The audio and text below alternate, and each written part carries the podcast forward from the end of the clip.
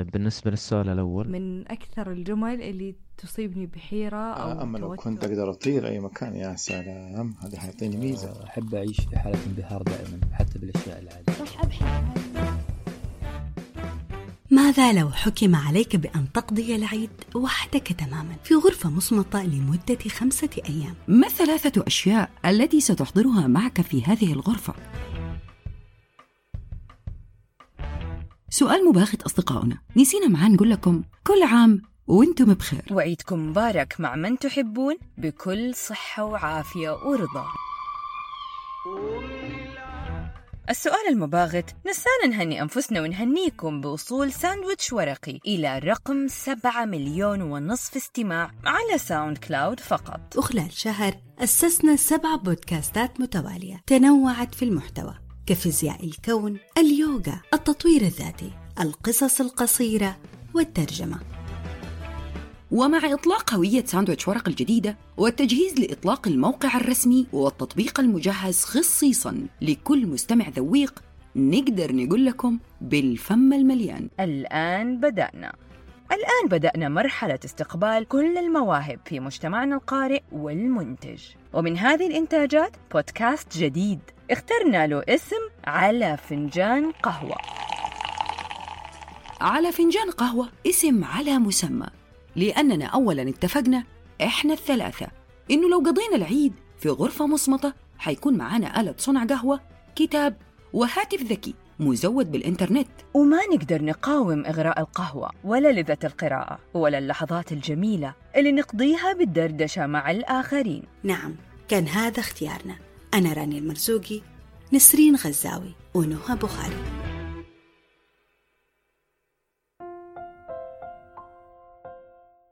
اختيارنا للاسم مو بس عشان حبنا للقهوة لكن عشان فنجان قهوتنا غير. لا هو فنجان القهوة اللي تغنى بيه عبد الحليم ولا هو ذاك الفنجان اللي نشربه كروتين معتاد. فنجان قهوتنا له طعم خاص. يشاركنا فيه ضيف نناقش معاه مواضيع من واقع حياتنا. حندردش معاه ونسأله أسئلة غير تقليدية. بعضها مضحك بس عشان نكسر الحاجز مع الضيف. وبعضها يبحث في قدرة الضيف الإبداعية التنظيمية والتحليلية وهكذا. حنعرف من خلال تحليل إجاباته شخصية ضيفنا ميوله وتطلعاته. والتحليل راح يكون من قبل مختص في هذا المجال. أما حلقتنا اليوم حتكون special وهي افتتاحية بودكاست على فنجان قهوة وقررنا نخليها مختلفة. نستضيف أعضاء ساندويتش ورقي ونسألهم شوية أسئلة. نبدأ بأول سؤال. هذا السؤال هو أحد أسئلة شركة مايكروسوفت الذي طرح في أحد المقابلات الوظيفية مع المتقدمين الجدد. السؤال يقول لو أعطيت قدرتين خارقتين أن تكون غير مرئي أو أن تكون قادر على الطيران أي قدرة منهم حتختار؟ لو خيروك بأن تكون غير مرئي أو قادر على الطيران أي الخيارين حتختار؟ بشرى الربيعة. عضوة بفريق تصميم ال graphics ومعدة لبودكاست قادم بعنوان نحلة.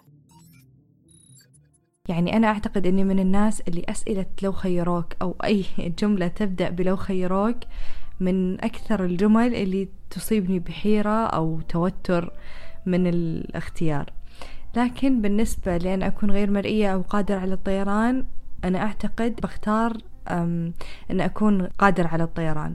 ليش؟ فلسفتي البسيطة هنا تقول أني في أي مكان كنت و... وكانت القدرة اللي عندي هي أني أكون غير مرئية أنا فعليا لا أزال في هذا المكان. لكن أن أكون قادر على الطيران ممكن هذا ال... هذه المهارة أو هذه الموهبة راح تعطيني آه على الأقل أني أنتقل بين أكثر من اختيار وأكثر من مكان. لا بختار غير مرئي بصراحة. أنس بن حسين ماجستير لغويات تطبيقية باللغة الإنجليزية مؤسس ساندويتش ورقي معلق وكاتب. آه، عندي فضول فضول آه، ذابحني لمعرفة شخصيات الناس. أسباب أو الدوافع اللي خلتهم يتصرفوا بال بتصرف معين. آه، إن شاء الله إنه فضول فقط. أهلا وسهلا. شموخ عبد الكريم بكالوريوس تربية ومدربة ومنسقة برامج ومقدمة بودكاست قادم بعنوان كائن حي. آه، إجابتي للسؤال الأول أفضل أني أكون شخص قادر على الطيران. أي الخيارين حتختار؟ عبد الله سندي ماجستير في الإعلام والعلاقات العامة من جامعة Ball State University بالولايات المتحدة الأمريكية. صانع محتوى ومدقق فني للنصوص. غير مرئي بدون أي تفكير. أولا ماني من هواة الطيران. وغير مرئي آه حاجة حلوة. ما أدري ليش بجلس مع الناس كذا. ما أدري إيش أبغى أشوف. قد يكون إني أحب إني أشوف ما وراء الكواليس دائما يمكن يكون هذا السبب. بشوف الناس وراء الكواليس إيش يسووا بداية شكرا على الاستضافة. كل عام وساندويتش ورقي وفريق العمل والمستمعين بألف خير يا رب. داليا العمري طالبة طب أسنان وكاتبة محتوى بودكاست فيزياء الكم والفضاء زمكاني. خياري بيكون القدرة على الطيران. أه نفسي أشوف العالم من فوق وهو صغير. أه الطيران حرية أكثر. وبعد الطيران فيه موضوع غير مرئي لأنك أنت لما تطير تقدر تشوف العالم وتقدر تشوف الدنيا وهم يشوفونك. فصاير اثنين في واحد. راح أختار الطيران. طبعا آه، أكون آه، قادر على الطيران أحسن. دكتور جهاد العمري أستاذ مشارك بتقنية المعلومات مهتم بالمسؤولية الاجتماعية والأخلاقية لاستخدام الحوسبة. صانع محتوى ومستشار في شركة ساندويتش ورقي. آه، يعني مش هستفيد إن أنا أكون غير مرئي. ما يهمني آه، إني أشوف آه، رأي الناس فيه أعتقد أكثر الناس يفضل إنهم يكونوا غير مرئيين عشان يشوفوا إيش رأي الناس فيهم. أنا ما أتوقع إني أنا محتاج أشوف هذا الشيء. آه، على الأقل عشان ما انصدم. آه، أما لو كنت أقدر أطير أي مكان يا سلام هذا حيعطيني ميزة. آه، أروح أبعد مكان في أي وقت أنا أبغاه. آه، وأرجع وقت ما أبغى كمان هذا شيء مرة ممتاز. طيب بالنسبة لأول سؤال مرئي أو أطير؟ دكتورة نهى العويضي دكتوراه في دراسات الترجمة. رئيسة قسم اللغة الإنجليزية والترجمة في الجامعة الإلكترونية السعودية مؤسسة البودكاست القصصي يا مكان. لا أطير طبعا بالذات في الحجر دحين أبغى أطير.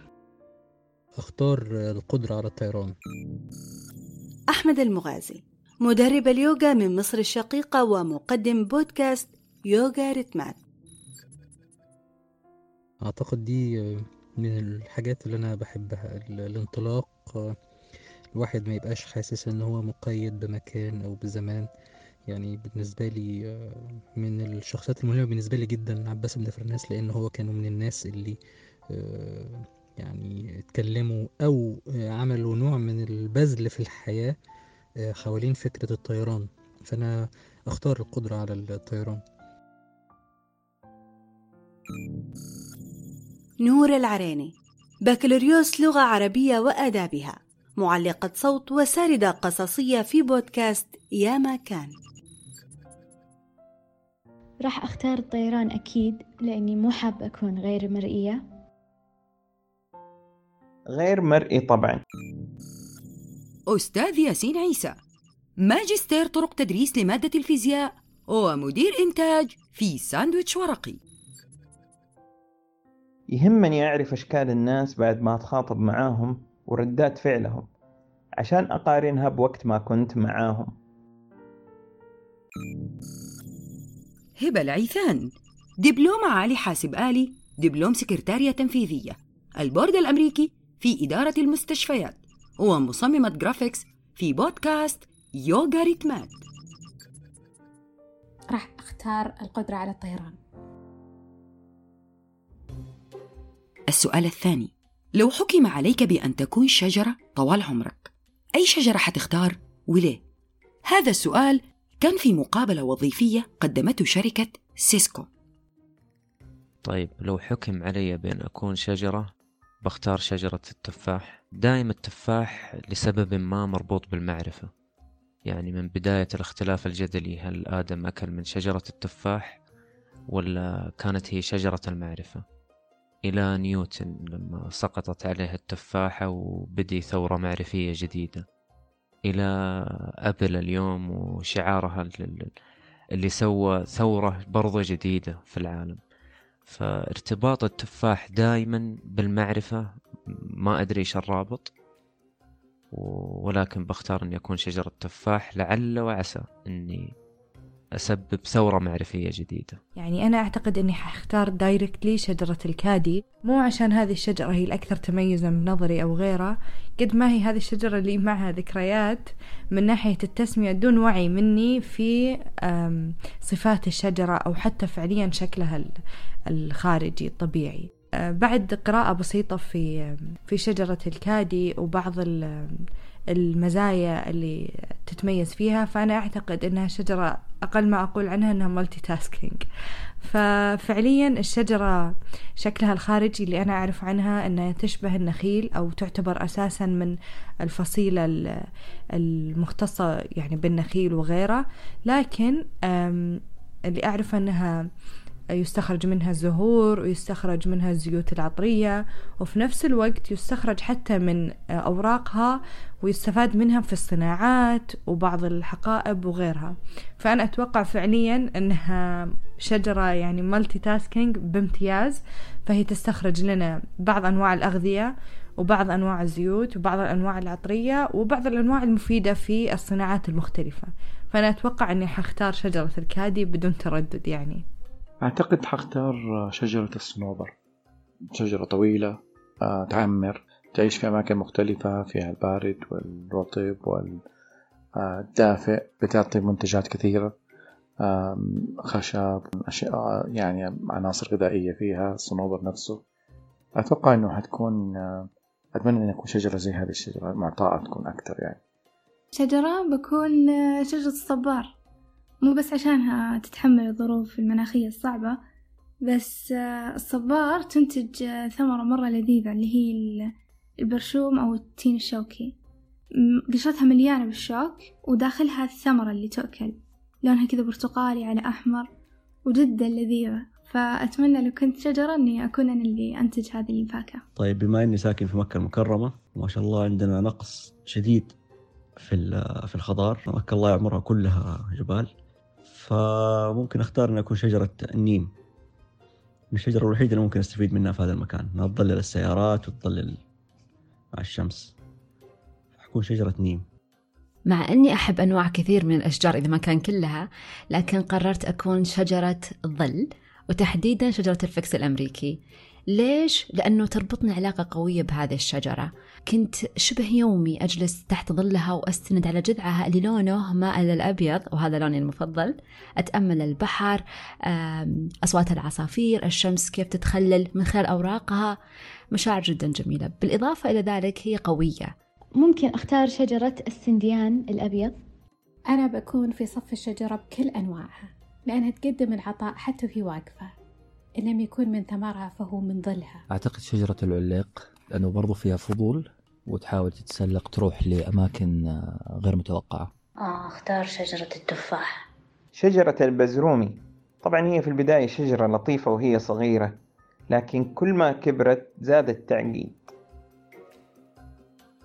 السؤال الثالث هو سؤال من شركة ياهو للمتقدمين على الوظيفة وكان كالآتي. لو نزلت من حطام السفينة إلى جزيرة مهجورة وجدت فيها الطعام والشراب. ما هي الثلاثة أشياء التي ستأخذها معك من حطام السفينة؟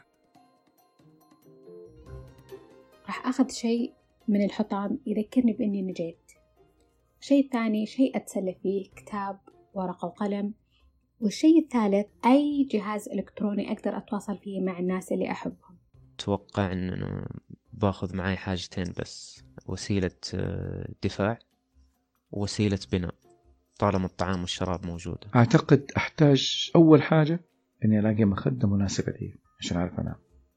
وكمان أحتاج ساعة ساعة تصحيني آه برضو عشان ما أطول في النوم. يمكن كمان أحتاج لجهاز سجل راديو أي حاجة كذا ممكن تطلع يعني ضوضاء آه، أو صوت آه، آه، لأني ما أحب الهدوء. أول شيء راح أخذه من السفينة راح أخذ البوصلة راح أدور بوصلة راح أبحث عن وقود عشان يساعدني الإشعال للنار بالجزيرة. راح أبحث عن شي زي اللاقط أو الجوال ممكن يساعدني أصلحه وبعدين أنادي الناس أنقذوني. والله ما عجبني السؤال ده يا شركة ياهو. أنا إيش دراني السفينة إيش فيها أصلا. ممكن أقول مثلا آخذ لابتوب وآخذ راوتر. ما أدري هل في أصلا هو لابتوب وراوتر في السفينة هل في إرسال هناك؟ فما أدري.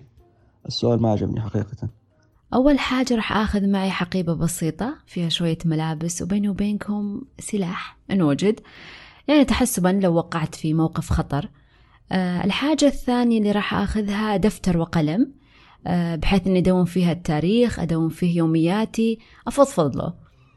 الحاجة الثالثة راح أحاول أشوف وآخذ أشياء ممكن إنها تنفعني أه بحيث إني أستخدمها كصنع قارب اللي ما أعرف كيف أصنعه بس إن شاء الله بعد البودكاست هذا بروح أبحث كيف أصنع قارب.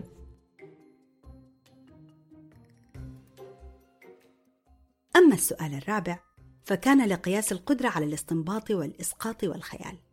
والسؤال يقول أي علامة من علامات التشكيل تصفك؟ عندنا ضمة وفتحة وكسرة وشدة. اختار الشدة.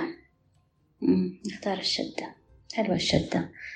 الشدة الواحد يكون يشدد على الشيء ويركز فيه ويكون واضح. أنا أعتقد إني حختار الفاصلة. ما أعرف يعني ليش هي أول ما تبادر في ذهني بمجرد قراءة السؤال. لكن أعتقد لأن الفاصلة ممكنها تفصل بين الجمل والأفكار الجانبية بدون أن تخل في الموضوع الأساسي. بمعنى أنها تستطيع إدارة باراجراف كامل إن صح القول وبدون بدون أن أن تفصل بشكل نهائي. أتوقع بتكون نقطة آخر السطر. إحنا دائما نحط النقطة آخر السطر لما ننتهي من جملة ومنتقلين ورايحين لسطر جديد وجملة جديدة. فأحس إني بحياتي زي كذا. أحس إني أحط نقاط آخر السطر كثير. وأتجاوز أشياء كثير وأبدأ بسطور جديدة ومحاولات جديدة على أمل إنها تكون هي السطور والمحاولات الناجحة لي. الشدة. الشدة.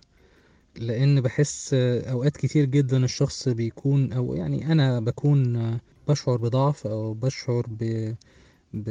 بانكسار أو حاجة فبحتاج أكون يعني أشد نفسي لفوق. علامة التعجب. أحب أعيش في حالة انبهار دائما. حتى بالأشياء العادية.